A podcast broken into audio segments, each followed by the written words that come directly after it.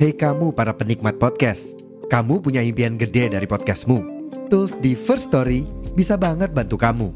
Mulai dari F-Link, Dynamic Audio Insertion, sampai statistik yang komprehensif, semua ada di First Story. Gak ketinggalan, kamu bisa monetisasi podcastmu lewat iklan dari First Story Ads yang bisa kasih kamu penghasilan dari setiap place podcastmu. Yuk gabung sekarang dengan klik di firststory.me. Sekali lagi, di firststory.me. Mari kita bawa mimpi podcastingmu menjadi kenyataan.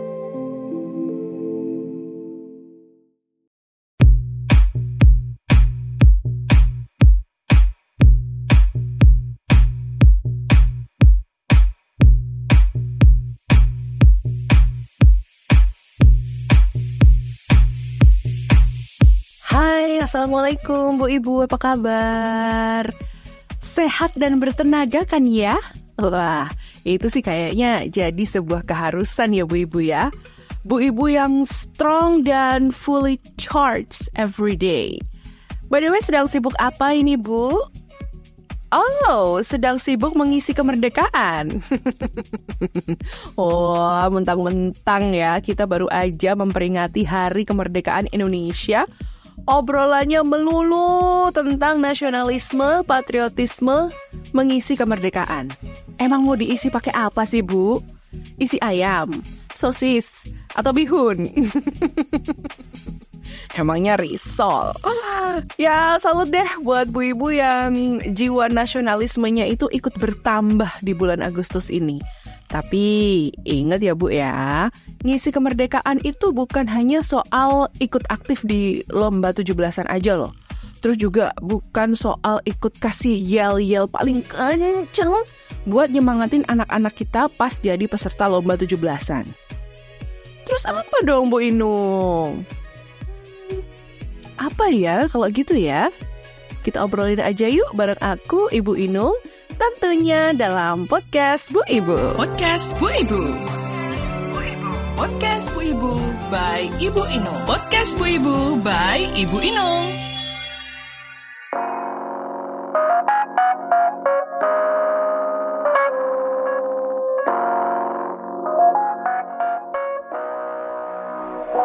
Bu Ibu, ngomongin soal peringatan 17 Agustus sebagai Hari Kemerdekaan Indonesia nih. Bu Ibu sendiri udah paham belum ya tentang makna kemerdekaan itu? Kalau hanya dimaknai sebagai keadaan yang sudah free alias bebas dari penjajahan kolonial Belanda dan Jepang, wah itu sih udah pengertian secara historikalnya ya Bu ya. Kalau aku sih yakin Bu Ibu tuh udah khatam soal pelajaran sejarah yang satu itu. Tapi jika pun mau mengulik lagi sejarah perjuangan meraih kemerdekaan negara kita dengan membaca lagi buku-buku sejarah, yes, do it bu, do it, lakukan aja, ya. Karena kita kan nggak boleh melupakan sejarah, jangan sampai kita nggak tahu sejarahnya itu seperti apa. But anyway, ketika kita ngomongin kemerdekaan, apakah Bu Ibu itu juga benar-benar merasa merdeka sekarang ini? Do you feel the freedom? Do you feel the independency? Apakah kemerdekaan untuk melakukan apa yang ibu suka? Kemerdekaan nih untuk meyakini apa yang ibu percaya itu udah benar-benar ibu rasakan? Hah, Bu Inu, kok ngomongnya berat gini toh, Bu? Kok ngomongnya semacam retorika gini toh, Bu? tenang, Bu, tenang, tenang. Aku sebenarnya mau ngajak Bu Ibu buat refleksi aja sih. Apakah kehidupan yang Bu Ibu jalani hari demi hari itu sudah memerdekakan Ibu?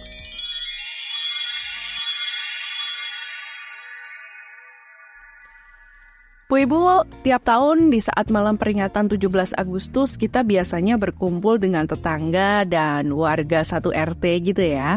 Selain untuk bergembira merayakan Hari Kemerdekaan Indonesia, juga ada sesi refleksi tentang kemerdekaan itu. Tapi kalau aku lihat-lihat ya, kebanyakan sih hanya pidato-pidato soal nasionalisme, terus sedikit mencolek sejarah zaman dulu kayak gitu. Itu pun Lalu dilanjut dengan lebih banyak nyanyi-nyanyi dan dangdutan gitu.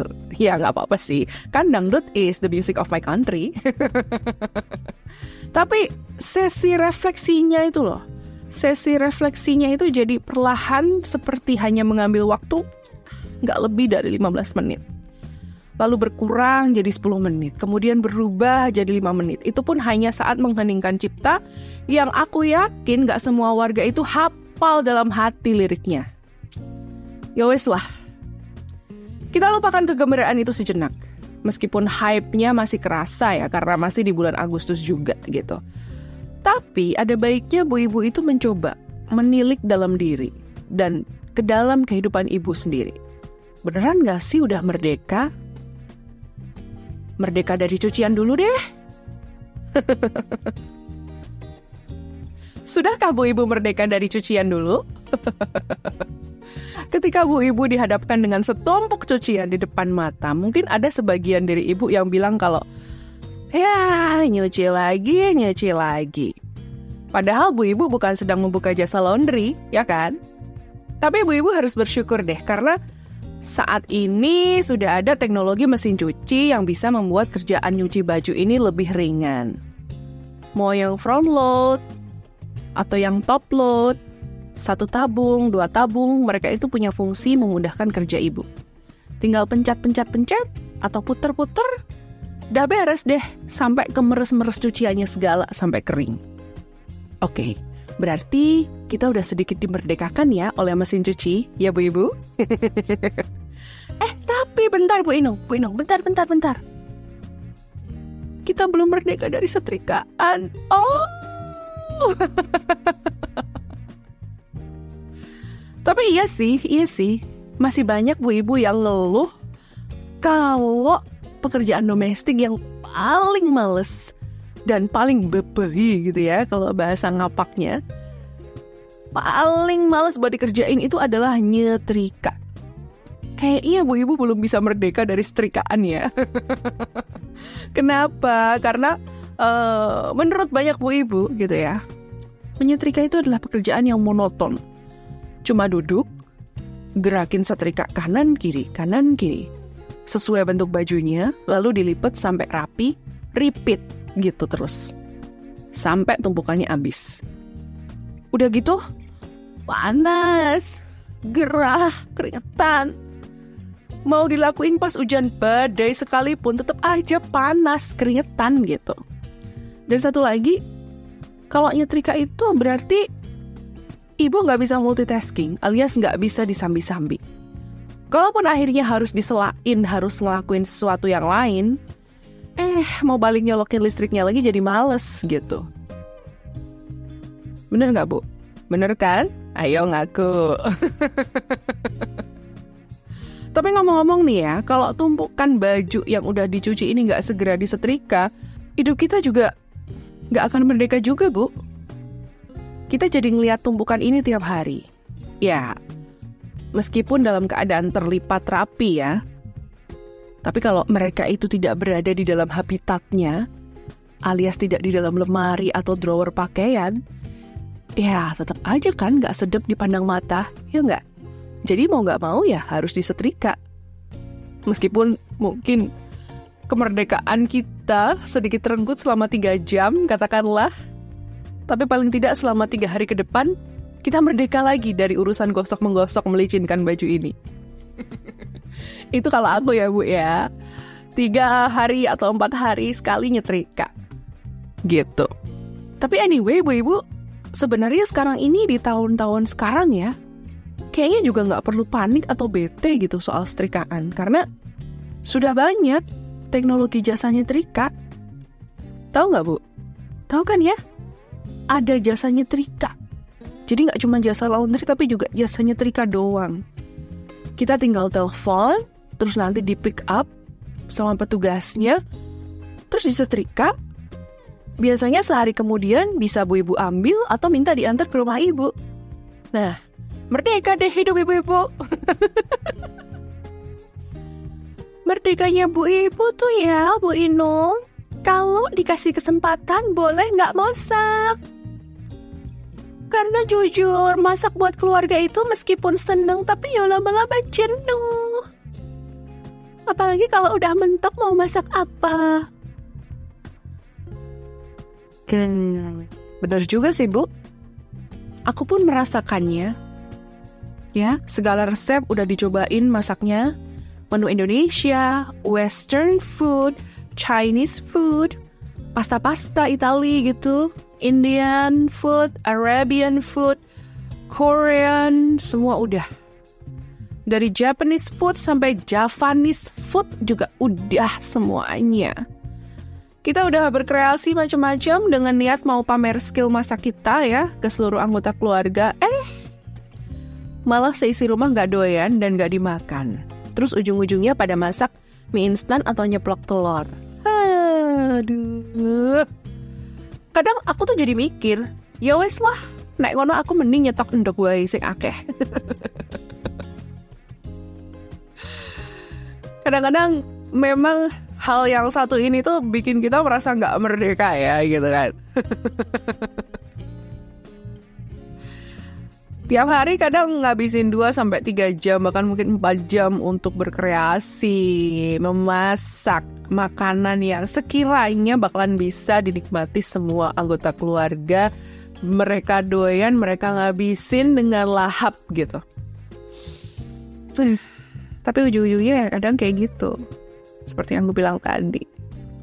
Hah, nggak enak. Atau misalnya, kok aneh nggak kayak di resto itu gitu.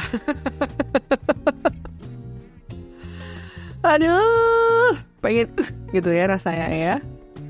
Ini kita aja belum sekelas bu ibu yang buka catering atau warung makan ya, yang belum tentu dagangannya itu semua habis nggak bersisa. Bisa-bisa kita mewek nih di pojokan ya. Tapi menurutku nih ya, Bu Ibu, beberapa tahun belakangan ini urusan permakanan ini udah bisa bikin kita merdeka kok, Bu. Coba lihat deh, warung nasi rames tuh banyak ya, warteg-warteg tuh banyak. Rumah makan bisa ditemukan di mana saja. Tinggal pilih mau menu apa, datangi. Tinggal order. Terus apalagi nih, sejak ada aplikasi layan antar makan ke rumah, ya. You know, yang GoFood, GrabFood, kayak gitu ya, Shopee Food, ya gitu.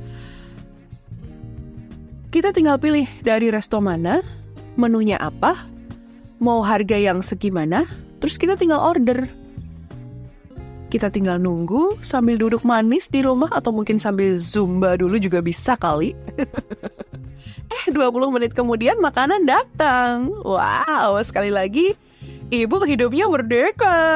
Uh, asik kan? Ya nggak, ya nggak, ya nggak, ya nggak. Ya, nggak merdeka juga Bu Inung. Kalau duit buat makan di luar atau makan pesen di GoFood, GrabFood, Shopee Food gitu nggak ada. Apalagi suami nggak ngasih juga karena katanya jatuhnya itu jajan. Padahal kan kita mestinya makan berat. Pakai nasi, bukan cuma pesen cilok atau sosis bakar. well, ini juga salah satu situation yang rumit sih Bu ya. Ketika uh, Bu Ibu nggak punya kemerdekaan terhadap keuangan. Ya, Apalagi kalau pendapatan keluarga itu hanya berasal dari satu sumber saja, yaitu dari suami. Masih banyak sih memang keluarga dengan kondisi seperti ini di mana para istri itu belum memiliki financial independency gitu ya. Hidup dari gaji atau penghasilan suami dan benar-benar harus cermat dalam setiap pengelolaannya. Tapi sebenarnya hal ini bisa loh uh, untuk dibicarakan dengan suami. Misal pun Bu Ibu itu punya keinginan agar bisa mendapat penghasilan sendiri. Bu Ibu bisa bertukar pikiran dengan suami tentang gimana caranya apakah perlu kembali bekerja di luar rumah ataukah dengan berwirausaha kecil-kecilan di rumah gitu. Bisa didiskusikan dengan suami. Aku yakin nanti pasti akan ada kok cara yang cocok dengan ibu yang nantinya bisa memerdekakan ibu secara finansial gitu.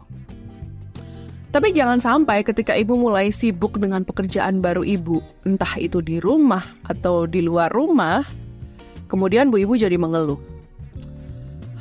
Waktunya jadi tersita nih buat kerja terus. Gak bisa bebas kayak dulu main sama anak.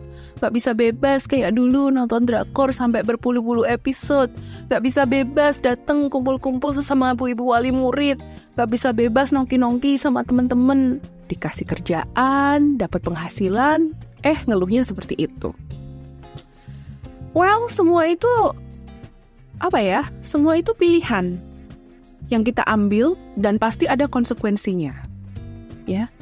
Tinggal ibu mau prioritaskan yang mana. Anyway, dulu pejuang kemerdekaan juga gitu loh, Bu. Mereka prioritas memerdekakan bangsa ini. Sampai kadang harus ninggalin keluarganya. Dan gak cuman itu, mereka juga rela bertaruh nyawa. Ya, mungkin ini nggak apple to apple ya kalau aku bandingkan dengan keadaan bu ibu dengan mereka, para pejuang kemerdekaan kita. Tapi underline di sini adalah konsekuensi atas apa yang kita pilih itu akan selalu ada. Bukan berarti kita harus korban banyak, tapi ada baiknya juga kalau sebelum menentukan pilihan, kita ukur juga kemampuan kita. Gitu. Ibu, every mother has their own struggle. Setiap ibu punya perjuangannya sendiri. Aku yakin itu. Perjuangan untuk meraih sesuatu, perjuangan dalam menggapai sesuatu, perjuangan untuk jadi lebih baik, termasuk perjuangan menjadi lebih merdeka. Let's take a look at us, Bu Ibu. Mungkin yang Bu Ibu pikirkan, ah, hidupku kok gini-gini aja. Hidupku kok nggak bisa bebas kayak Bu Ibu di sana. Bu, coba tengok masih banyak bu ibu yang harus berjuang memerdekakan diri mereka dari jeratan patriarki dalam keluarganya. Masih banyak yang berjuang memerdekakan diri dari toxic relationship dengan suaminya. Masih banyak juga bu ibu yang berjuang memerdekakan diri dari toxic masculinity di tempat kerjanya Bu ibu yang saat ini punya kemudahan, punya sedikit keberuntungan lebih dari mereka, harus banyak bersyukur, Bu.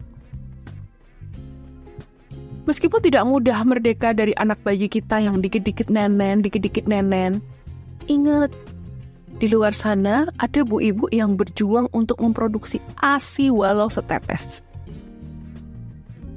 Meski nggak mudah merdeka, karena ada toddler atau balita yang ngikutin kita ke sana kemari ngintilin kita ke mana saja yang nangis kalau ditinggal pipis sebentar.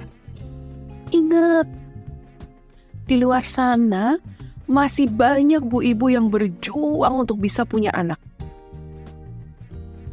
Meskipun gak mudah merdeka dari banyaknya kerjaan domestik rumah tangga yang kesannya itu-itu aja, di luar sana bu, banyak juga bu ibu yang justru belum bisa merdeka dengan pekerjaan setumpuk di kantornya, deadline dari atasan dan konflik dengan rekan kerjanya. Merdeka, independen, freedom, kebebasan, apa pun bahasanya sebenarnya hanya kita yang bisa rasakan. Ketika kita merasa hidup kita berjalan lancar, normal, penuh sukacita dalam setiap kegiatan yang kita lakukan, menurutku itu merdeka bebas dari rasa takut ya. Tidak sedang dirongrong oleh ancaman. Tidak sedang berkonflik dengan tetangga. Cicilan KPR bisa kita penuhi tiap bulan. Beli beras lancar. Listrik di rumah masih nyala. Air pam masih ngalir. Beli gas dan bensin masih normal. Itu memerdekakan kita juga kan, Bu? Apalagi masih bisa nonton Netflix, drakor, dracin, sinetron ikatan cinta berjilid-jilid tanpa gangguan, itu juga sebuah kemerdekaan buat bu ibu, ya kan?